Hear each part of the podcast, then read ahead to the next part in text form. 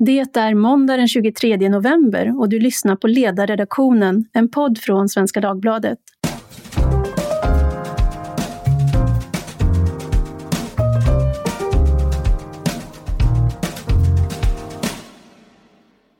Jag heter Tove Livendal och idag har jag som gäst författaren Lena Andersson, som idag har tillkännagjort börjar som fast krönikör på ledarsidan med start på lördag. I dubbla bemärkelser, varmt välkommen Lena! Tack så mycket! Vi berättade det här i morse och det har redan kommit många reaktioner.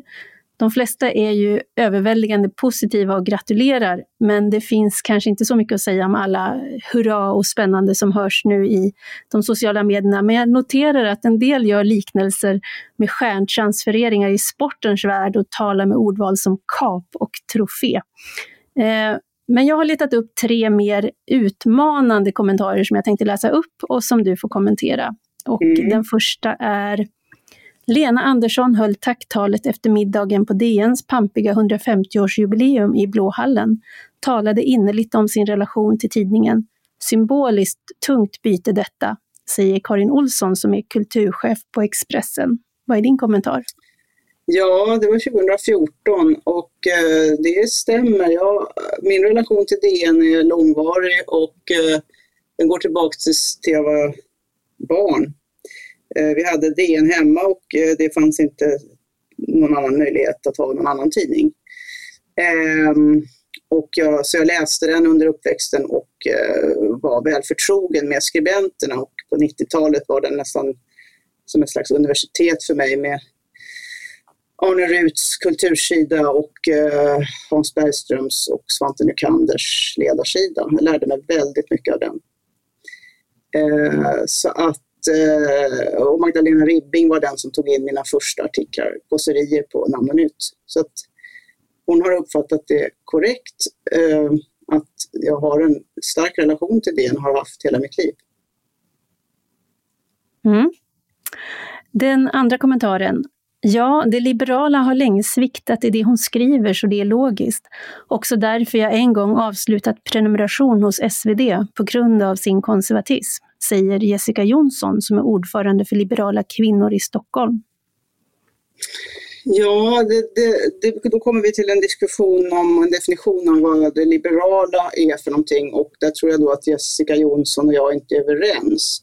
Jag skulle tro att hon syftar på, som hon är ordförande för Liberala kvinnor, så kan det tänkas att hon syftar på mina texter om kvinnofrågor, metoo, eh, prostitution eh, och annat där ju då jag tycker att det är jag som intar den liberala hållningen och de andra som intar en mer beskyddande paternalistisk.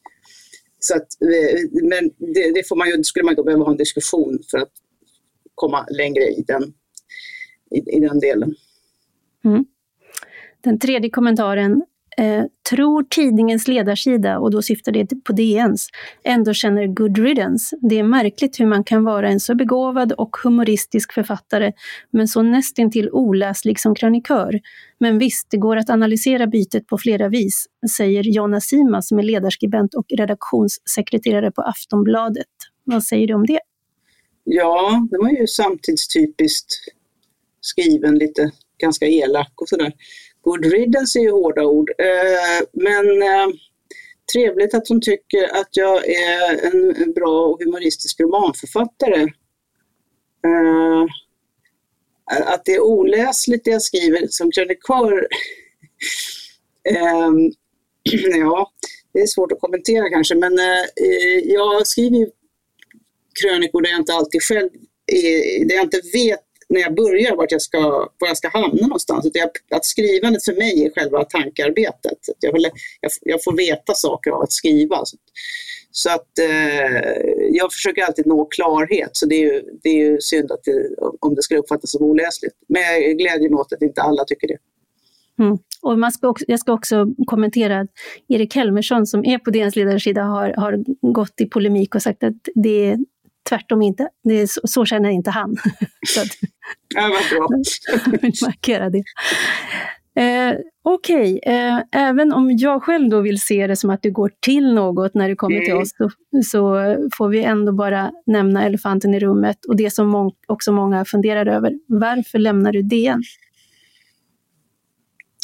Ja, alltså jag, jag, faktum är att jag också går till, du har rätt i det, för att jag eh, var, ska man inte glömma, på Svenska Dagbladet i eh, tio år faktiskt, eh, innan jag kom till DN.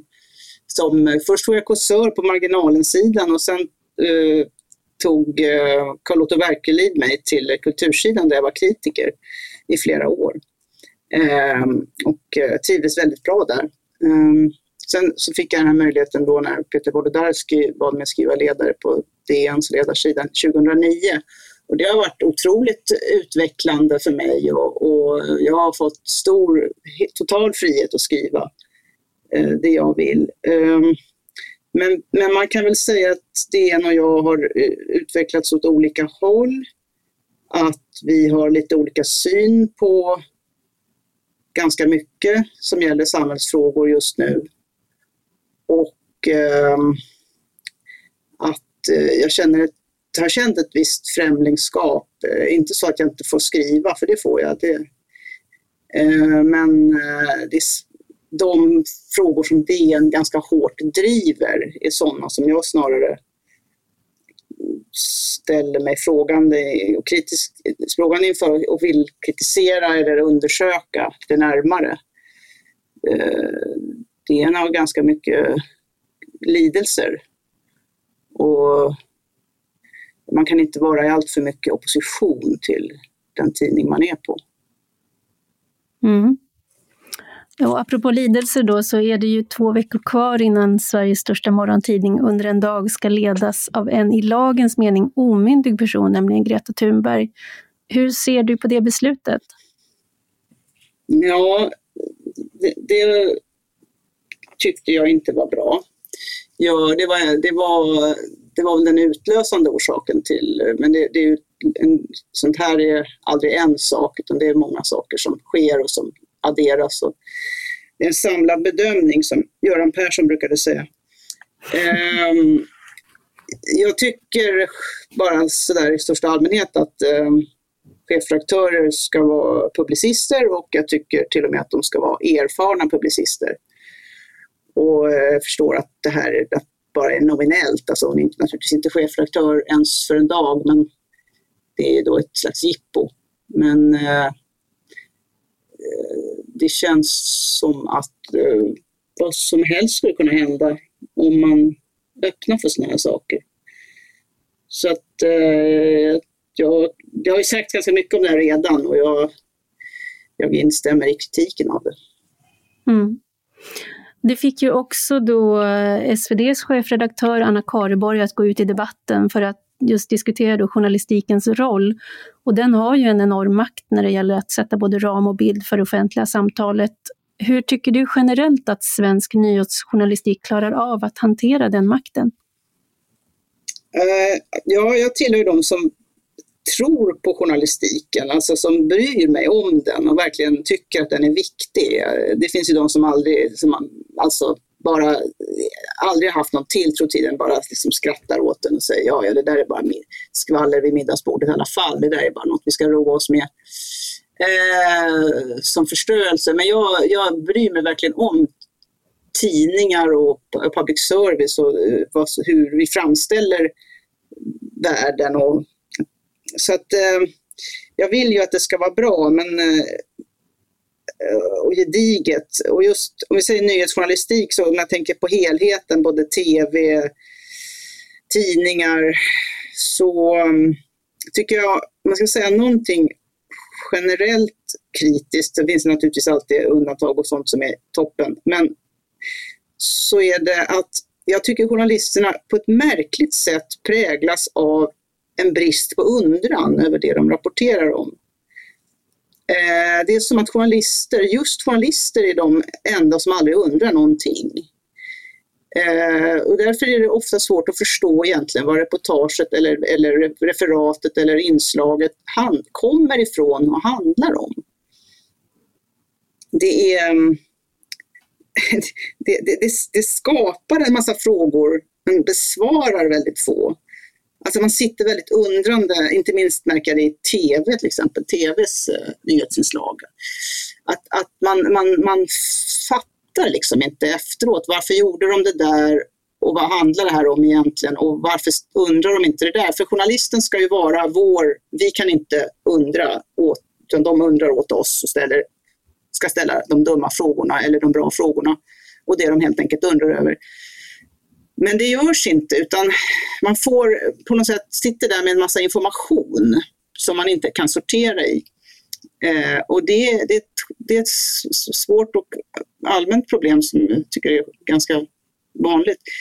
Eh, och jag tror det beror på att de är rädda för att ta med sig själv in i det. Eh, de är rädda för att undra för att vi har nu indoktrinerats ganska länge i att vi är ju fördomsfulla ständigt. Vi är, varför skulle just min undran vara den är partisk, den är inte objektiv och, och, och, mitt tänkande är ju naturligtvis speglat av vem jag är och min bakgrund. Och, så att, så att det är nog bäst att jag inte undrar något utan bara fördelar mikrofonerna och, och, och, liksom förmedlar info vidare för information. Och information mm. utan tolkning är obegriplig. Så att jag tror att eh, journalisterna måste börja undra det de egentligen undrar över. Då kommer det bli jättebra. Det finns väl någon slags grundfrågor som journalistiken alltid ska svara på. Vad, varför, vem? Det kanske mm. är en återgång till den grundkursen som ja, kan behövas. Man kommer ganska långt. De är inte så dumma de där grundfrågorna. Uh, inte minst varför uh, och vem. Men, men um, Ja, och faktiskt också vad. Allihopa är, känns som att det, det fallerar där. Så om man går, börjar där och går tillbaka till dem så, så, så skulle vi komma en bit.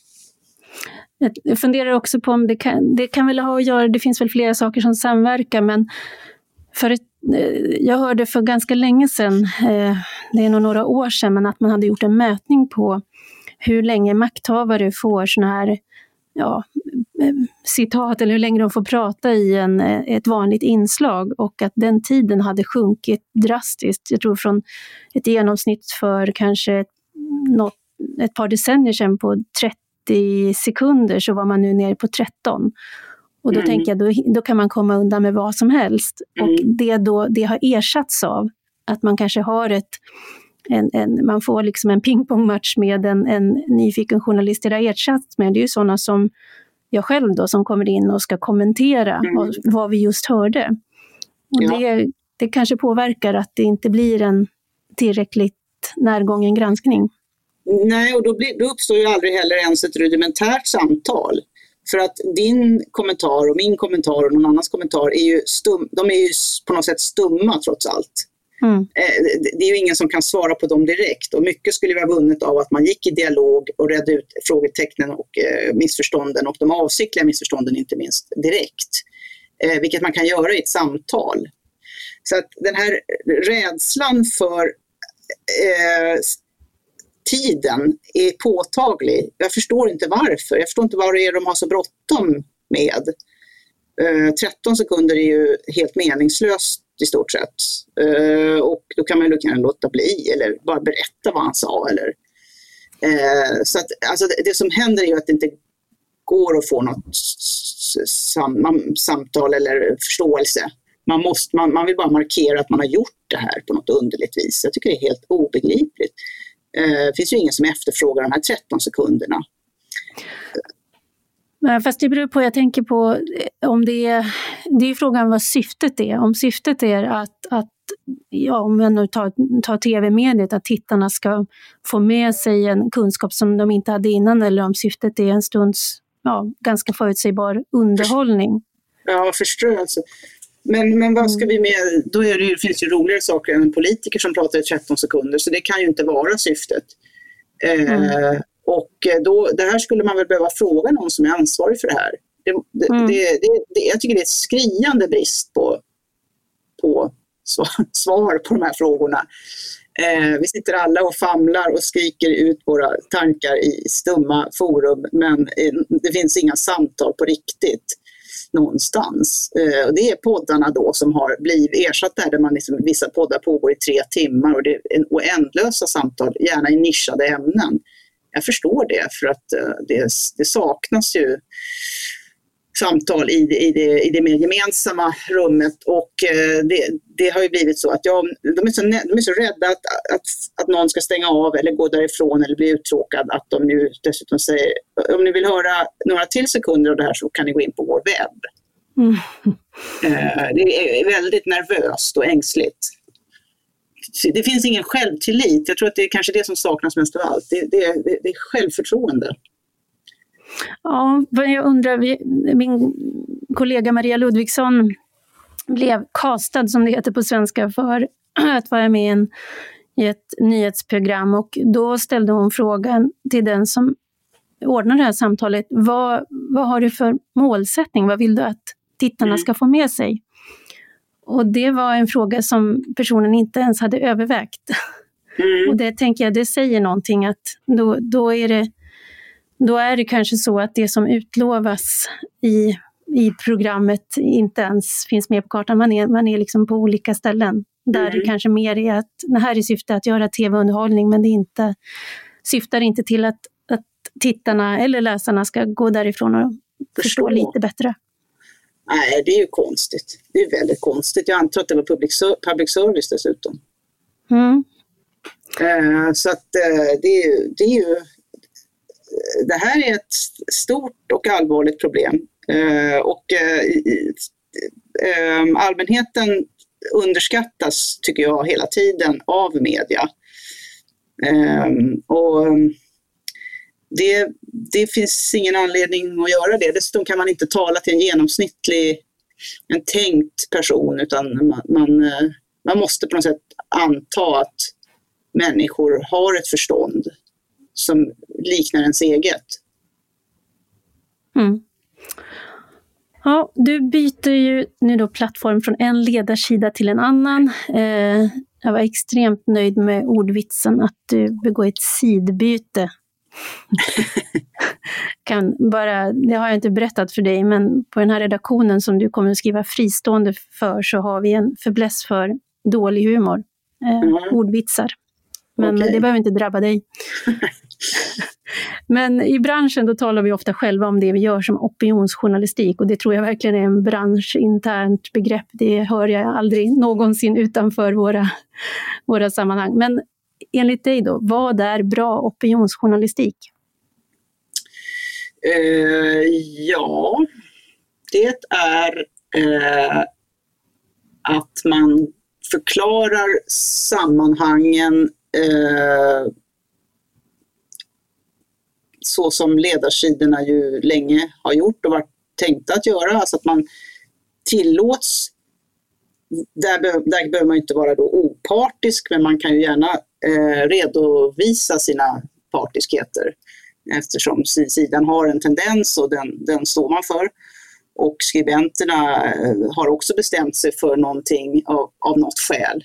Så att eh, god opinionsjournalistik tycker jag förklarar eh, varför någon kommer fram till något i politiken, låt säga, eh, och vad alternativet är och hur man avgör eh, saken så att man kommer fram till det man kommer fram till och också redovisar svårigheterna med att avgöra det. Eh, alltså resonerandet, gammalt hederligt resonerande förhållningssätt är det ju. Och, men just skapa förståelse, eh, fördjupning, eh, berätta om Eh, hur, idébakgrunden till exempel till politiska beslut. Jag tycker till exempel att god opinionsjournalistik inte kanske är att, allt, att utgå från att politiken endast är ett spel. Ehm, eftersom jag, och, och skälet är att jag tror att det helt enkelt inte stämmer. Jag tror att det är en falsk bild av verkligheten. Jag tror inte att politiker går in i politiken för att spela. Sen kan det finnas inslag av det naturligtvis, eh, men, men grunden är ju alltid faktiskt eh, idéer, en samhällssyn och en människosyn. Och de behöver man förklara gång på gång. Jag har ju lärt mig väldigt mycket av att läsa opinionsartiklar och olika opinionsartiklar just från olika håll för att se hur man angriper samma problem från olika håll. Det är ju enormt eh, intressant. Mm. Så kan man ju säga att det finns ju eh, med, med, med, eh, min bakgrund i politiken så har jag ju stött på en och annan för vilka politiken är ett spel. Som lever i det helt och fullt och saknar, skulle jag säga, en, en väldigt stark förankring i idéerna. Men, eh, Varför har de gått in i politiken då? För att få spela teater? Eller? Eh, ja, alltså, det beror ju på. Alltså, ordet spel, eh, där är det mer tror jag att, att se det som en, en, en ja, mer taktik, strategispel. Mm. Eh. Men i grunden, syftet är ju ändå att vinna någonting som man kan ändå hem, hem, föra tillbaka till en grundhållning. Sen kanske de har hamnat i att detta är det roliga med, med det hela. Det enda som eh, det, det, det, låter ju konstigt att man skulle använda allt det här bara till att få makt. Men, det, men det, det finns, jag förstår att det finns de som eh, ser det så, och särskilt om man är relativist till sin läggning, alltså att man anser att det finns inget som är mer rätt eller fel än något annat egentligen. Och vi kan ändå inte avgöra det och det spelar inte så stor roll. Då är det klart att det ligger närmare till hands med det här rollspelandet och teater. Och vi, vår samtid tycker jag är ganska mycket sån eh, överhuvudtaget. Men, eh, men det är ju inte... Då kan ju opinionsjournalistiken förklara grunden för det, för även det har ju en seriösare grund. Mm. Även det är en tanke och en idé. Ja, jag skulle nog säga att beskrivningen av relativisering, det ligger ganska nära, det finns någon slags släktskap där med eh, personer i politiken som är beredda att kompromissa väldigt långt mm. och som alltid kan hitta ett, ett skäl för att inte stå kvar vid en obekväm position. Mm. Det går alltid att motivera det med att nu är opinionen si och så eller nu är tidsandan si eller så. Mm. Och, eh, så det, det, finns, det finns någonting där som jag, som jag tror hänger ihop. Ja, just det. Tidsandan förklarar man ju en, en del med och eh, det, det, det är inget för mig. Eh, tidsandan, den kan man ju analysera men eh, den är ju oftast problematisk. Och den går över ja, någonting annat. Verkligen, och då kan man inte kasta sig i armarna på den nya. Det kan man göra om man är, bara ska sälja saker. Då måste man försöka sälja sina saker. Men det är ju inte samma sak som vad som är sant, gott och rätt. Och det, är det är väl det, oss åt. det är väl det som, eh, om man lyssnar på, på den som människor som ofta befinner sig på ledarsidorna och kanske också har erfarenhet från politiken, tycker är en skillnad som man pekar på att jobbar man på en ledarsida så behöver man inte vara inställd på att vinna val. Man har inte, om man dessutom jobbar på en sida som lever upp till att vara obunden, en, även en partibeteckning, mm. så behöver inte, man behöver inte ta den hänsynen att det ska vara populärt. Medan ja, om man är i ett parti så, så har man ändå kanske ett, ett större behov av att göra sig valbar. Så är det, så är det naturligtvis. Alltså den parlamentariska demokratin eh, eh, den har ju stora likheter med en marknad, så är det ju. Man köper ju röster faktiskt. Mm. Eh, och eh, det, det, det, är ett av skälen till att, man in, att det, det, ska finnas en del man inte kan rösta om. Eh, vilket vi sällan tänker på, att vi är glada över att det inte går att rösta om allting. Det är, det är det som är faktiskt, eh, liberalismen är ju inte rösträtten i första hand utan eh, eh, snarare det man inte kan rösta bort. Mm. Alltså fri, fri och rättigheter. Sånt. Det, det, det, ska, det ska inte hänga på tidsandan eller på godtyckliga opinioner.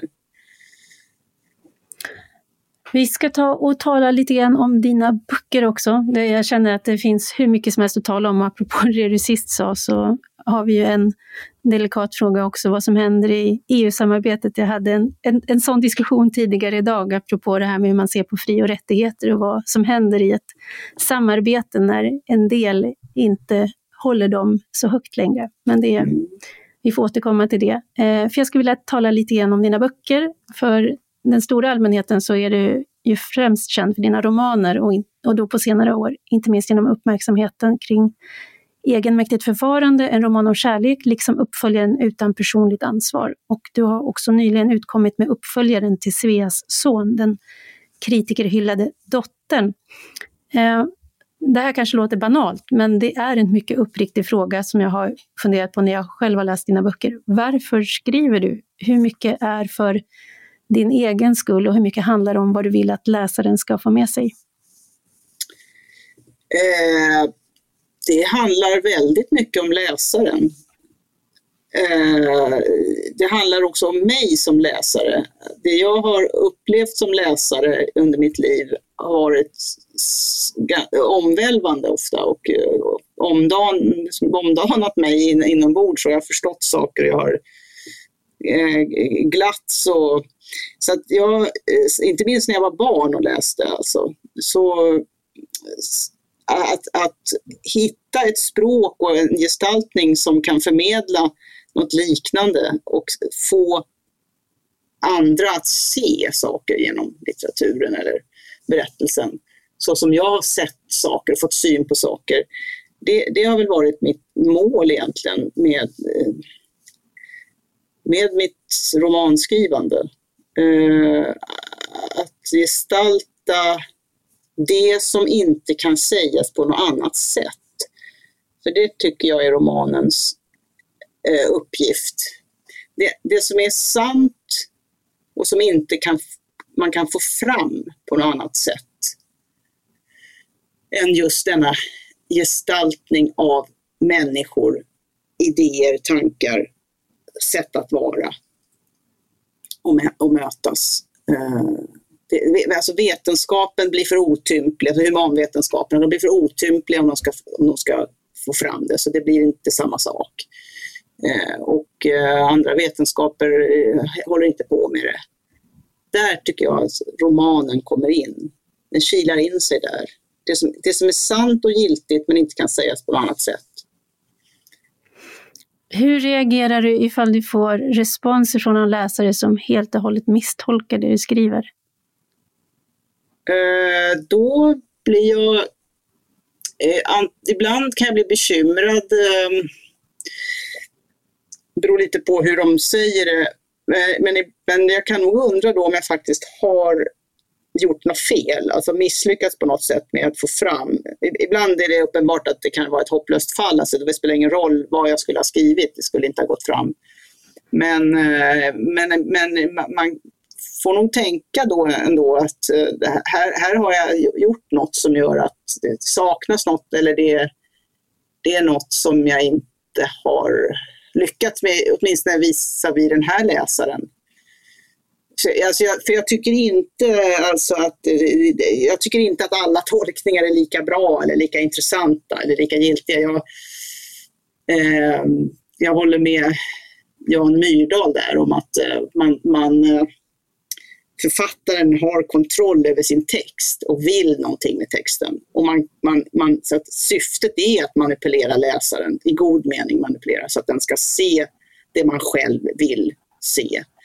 Eller vill förmedla och det man själv har sett. Då. Och det, det, det, det finns, ja, det, det är det gestaltningen går ut på. Och om man då, så, så, för mig är det inte liksom intressant att ja, det går att tolka hur som helst. Eller, och det, det kan jag inte säga något om för texten är texten undflyr mig eller sådär. Det, det, det, det, så skriver inte jag. Eller tänker inte jag heller. Så då tänker jag nog att nej, här är, här är, här, antingen har den här läsaren läst sig slarvigt eller också så har jag inte lyckats med gestaltningen. En bok som jag själv då, åtminstone vid ett par tillfällen, har skrivit om eh, på Svenska Dagbladet och har blivit ett slags referenspunkt. Det är boken Du är alltså svensk, en triptyk som utkom 2004. Berätta för lyssnarna vad den handlar om. Eh, den handlar om en eh, invandrad kvinna till Sverige som eh, behöver ett jobb och, eh, hon vill bara ha ett jobb, vad som helst. Eh, men, men hon hamnar i en mångfaldssatsning och tvingas bevisa att hon är annorlunda. Det är En statlig mångfaldssatsning, satsning, för nu ska staten satsa på det annorlunda. Eh, och problemet för henne är att hon är jättevanlig. Hon är, hon är bara som vem som helst. Så att hon visar sig vara för vanlig för att få något jobb i den här satsningen. Trots att hon är från Algeriet och tillhör berberfolket. Och sen hamnar hon på olika vägar som älskarinna till statsministern och hamnar i Vita huset. Och, och, och Rosenbad. Uh, Rosenbad som sen i Vita huset, alltså de åker till Vita huset och träffar presidenten. uh, och, sen, och sen sparkas hon ut för att hon, ja, det, hon, hon används i den här mångfaldssatsningen i Rosenbad men sen är hon inte intressant längre så sparkas hon bort. Det, får ett, det hela får ett olyckligt slut. Mm, det är ungefär ramhandlingen. Mm. Ja, jag läste den när den kom, men den har stannat kvar. Och i likhet med mycket annat jag har läst av dig så finns det då olika minneslager. Det, det är gestaltningar som jag tycker har varit väldigt effektiva. Och det slog mig då för fem år sedan när SVT genomförde en så kallad granskning av den etniska spridningen i Sveriges största börsbolagsstyrelse och ledningar. Då berättar de att för att kunna genomföra den här undersökningen och för att kunna fastslå den etniska spridningen, då hade de läst CVn, tittat på foton och gjort annan research. Och i osäkra fall så har, hade de även kontrollerat med personerna själva. Jag antar att de hade ringt upp och frågat då. Mm. Och när jag läste om det där så var det ett slags déjà vu av det samhälle som du beskrev i boken. Och i din dystopi, då, då har ju då alltså staten försett varje människa med en så kallad mångfaldskvot och den fastställs av en statlig analysgrupp och den använder variabler som identitet och den då högt värderade kvalifikationen annorlundaskap. Och arbetsgivare måste i det här samhället enligt lag uppnå en viss nivå som utgör summan, den samlade summan av medarbetarnas mångfaldskvoter. Men man kan också laborera med sammansättningen så det är lite flexibelt och jag citerar om man anställer en sik behöver man med de nya reglerna inte anställa fler annorlunda. Han motsvarar två turkar, tre jugoslaver och greker, fem fransmän, åtta tyskar, nio finnar, tio amerikaner och engelsmän, tretton danskar och 14 norrmän. Slutcitat. Och jag minns att jag tyckte det var omåttligt kul när jag läste det först, men bara två år senare, nämligen 2006, då krävde regeringen att myndigheterna skulle öka den etniska och kulturella mångfalden bland anställda. Och eftersom man då inte kan vara helt säker på utgångsläget, folk går inte omkring med skyltar än, där deras etniska sammansättning tillkännages, så att en del personalchefer bad SCB ta reda på hur det låg till eh, med den saken, även om då, det ska sägas, Diskrimineringsombudsmannen avrådde från det här. Förra året så läste jag en jobbannons för P4 Radio Stockholm där man sökte semestervikarier och det var mer specifikt researchers och digitala redaktörer och i annonsen så stod följande. Vi tycker det är viktigt att Sveriges Radio speglar samhället och ser därför mångfaldskompetens som meriterande. Och det är ju din bok, tänker jag. Mm. Eh, min fråga är, hur kom vi hit? Ja, genom många snåriga vägar som alla har sina rötter i idéer. Eh, idéer, idéer, idéer är det vi måste försöka förstå oss på. Att alla de här sakerna har alltid en rot någonstans och det är idéer. Och jag, jag är förtjust i idéer. Jag tycker att vi, vi, det är väldigt intressant. Alltså filosofiska uppfattningar om tillvarons beskaffenhet. Eh, som går att analysera och spåra och, och, och liksom, liksom, kolla riktigheten av. Eh, det, dessutom är det en sammanblandning av eh, saker för att eh, vad man menar kanske när man säger att mångfaldskompetens som meriterande, eh, ja eller också så är man rädd, det kan ju finnas en risk att man faktiskt, att det är så som man brukar säga, att man bara anställer sådana man känner igen, som man har haft omkring sig jämt. Och att man, det finns en liten, liten hinna av, av, av främlingskap mot någon som ser annorlunda ut. Eh, eh, och att man då för, för enkelhetens skull tar någon som liknar en själv. Det, det brukar framföras. Det kanske är sant eh, i, i, vissa fall. Och då, men då, skulle man ju, då ska man ju inte blanda ihop det med att man vill ha ett innehåll i den här personen. Utan då ska man ju snarare, alltså att man förmodat innehåll som kopplat till utseende som är kopplat till erfarenhet. Då ska man ju snarare säga, eh, vi tror att det är svårare att få jobb på vissa poster om man eh, eh har, har en viss bakgrund. Så att vi kommer för säkerhets skull att rekrytera nu, den här vändan, för att vi anser eller tror att det, det, det finns ett, ett, hinder här. Det är faktiskt något annat. Då är, det, då är det en slags individuell, man, man ser till att de här individerna är eftersatta på grund av, inte avsiktligt, utan på grund av en lite slapp hållning. Eller något som vi har i oss. Det är något annat än att man tror att du ser ut så där, du kommer därifrån, då kan du det här, då är du sån här, då tillför du något till oss som är likadana här och vi är, vi är då något annat, svenskar eller tråkiga eller uh, vad vi nu är. Den, den här gruppen som rekryterar. Det, det, det där, för det första måste man hålla, ihop de här, hålla isär de här sakerna. Var, varför? Eh, och vad man faktiskt påstår om världen om människorna när man tror sig veta vad man får utifrån vad man rekryterar för, för utseende eller för bakgrund. Mm. Um, för det ja. blir ju så att alltså, boten som föreslås blir ju egentligen den sot som man vill komma ifrån oftast. Mm, man säger ja. att jo, men här finns det diskriminering, det finns, finns eh, olika glastak eller strukturer som gör att vissa människor inte kommer fram och därför så ska vi på grund av hur de ser ut eller var de kommer ifrån. Så därför ska vi verkligen undertona eller betona hur de ser ut och var de kommer ifrån och göra det till huvudsak. Mm. Det, det här, här, krockar ju två, eh, alltså vi, vi som håller lite mer på principer och tycker att idéer är, är viktigt, eh, alltså som anser att man, man ska agera principiellt, eh, brukar ju framhålla att det, det är nog bäst att göra rätt i varje ögonblick snarare än att kompensera för att det ska bli rätt. Två fel gör inte ett rätt. I, ja, och i någon tänkt framtid. Sen ska vi börja agera principiellt. Men det där sen kommer ju aldrig att komma. Så att, och dels kompensera för, för tidigare, tidigare oförrätter, eh, vilket är en matematik som absolut inte går att genomföra, eller den är obehaglig. Eh, och då får man ju ta in alla möjliga parametrar, så det, det, det bör man inte hålla på med. Eh, dessutom har man ju inte rätt att eh, kompensera, att, att, så att säga, diskriminera åt andra hållet för människor som inte har gjort något själva. Eh, så den där matematiken led, leder ju till just det här att man försöker att man, man diskriminerar för att motverka diskriminering.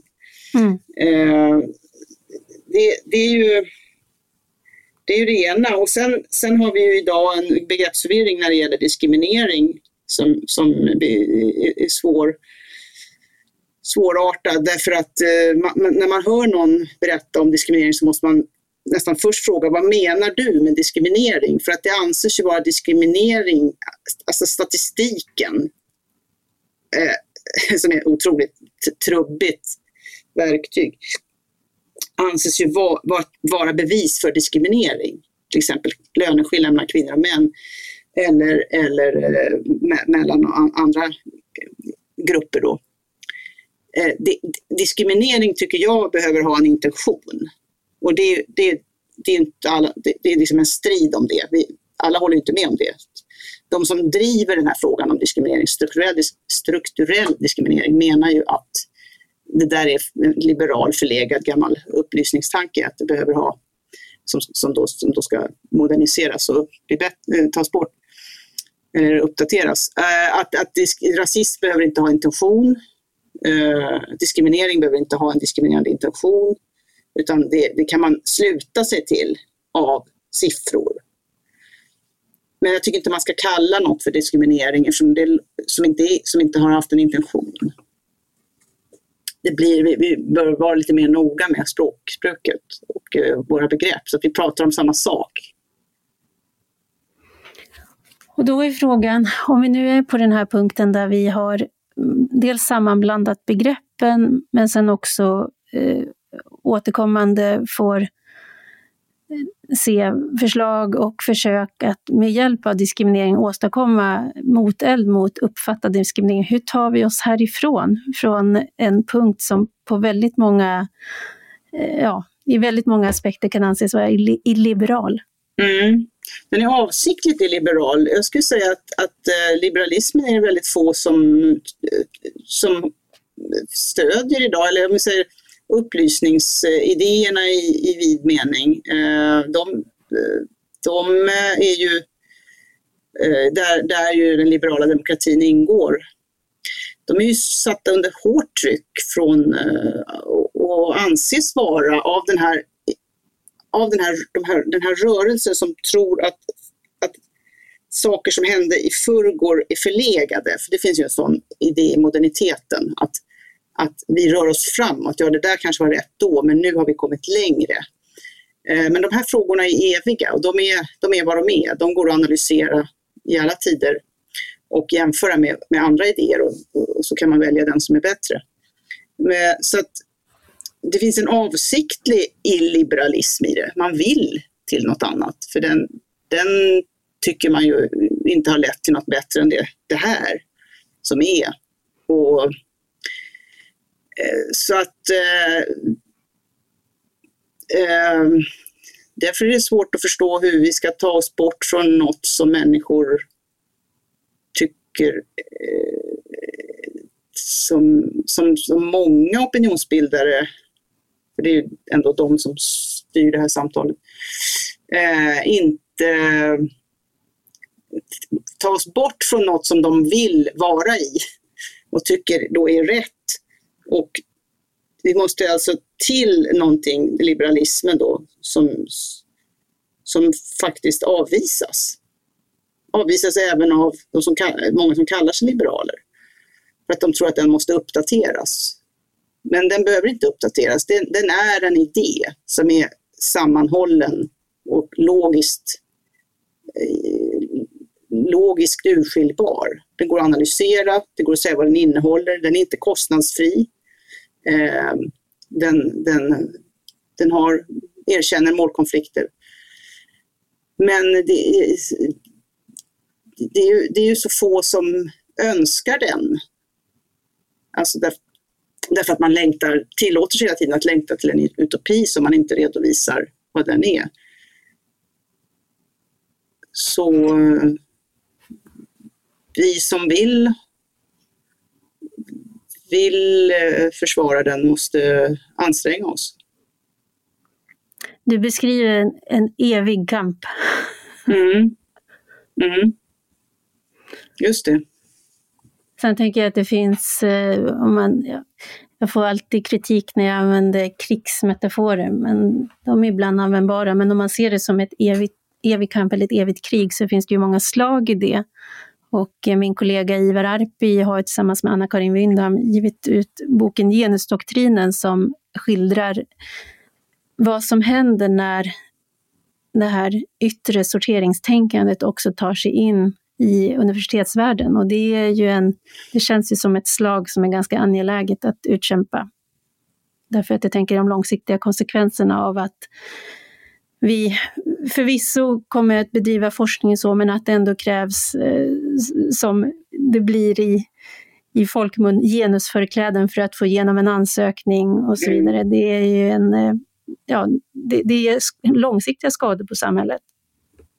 Ja, och det, universiteten ska ju vara mer förutsättningslösa på något, i något avseende. Alltså de, de, ska ju vara, de ska ju kunna pröva allt de påstår. Eh, och det som de visar i den boken är ju att det, det, är en hel del där som är mer dogm och doktrin och som inte är prövbart. Och det är ju aldrig bra. Alltså jag, jag jag, har själv eh, alltså stor till, tilltro till, till utbildning och på samma sätt som jag tycker att tidningar är viktiga och media så, så tror jag ju på alltså, möjligheten att förkovra sig. För det, det är särskilt de som inte kommer från eh, några märkvärdiga miljöer, bakgrunder, måste ha, måste ha hjälp med det, alltså med ett, ett, en bra utbildning. Det, det, det är ju, vi föds inte färdiga utan vi, vi, vi, förkovrar, vi kan förkovra oss hela livet. Och det, det, undervisningen är, så utbildningen är ju så viktig och inte minst universiteten. Eh, också skolan förstås. Det är banalt att säga men det är lika sant för det. Så att eh, jag, jag, tycker att det är väldigt beklagligt att, eh, att vi inte kan ha några vettiga diskussioner utan att det blir uh, bara etiketterande, bara misstänkliggörande utifrån vem det är som säger saker. Jag kan inte begripa det där alltså. Att det ska vara så krångligt att komma någon vart. Ja, men vi får försöka i alla fall mm. komma någon vart. Det, det gör vi. Och du kommer ju att skriva krönikor var fjortonde dag med start på lördag. Vad kan SvD-läsarna vänta sig av dina texter? Ja, eh, man kommer väl att märka tror jag att min, jag har ju ändå min hemvist i, i kulturlivet väldigt mycket. Alltså jag är ju jag är, jag är romanförfattare och jag är intresserad av det mänskliga på det sättet. Alltså människans vara, eh, existensen, sådana saker, vad det är att vara människa. Så det kommer märkas tror jag att jag, jag kommer därifrån. Eh, jag är intresserad av den typen av filosofi också, alltså hur man, hur man tänker om att vara människa. Hur, och, och hur man relaterar det till, till de olika politikområden som finns. Det, det är vad jag brukar skriva om. Och sen skriver jag ju, jag har hållit på ganska länge med mina texter och försöker komma fram till något som jag inte riktigt visste innan jag började. Eller inte hade formulerat klart för mig i alla fall innan jag. Så, att, så då blir de ju relativt förtätade. Det som vissa tycker är oläsligt.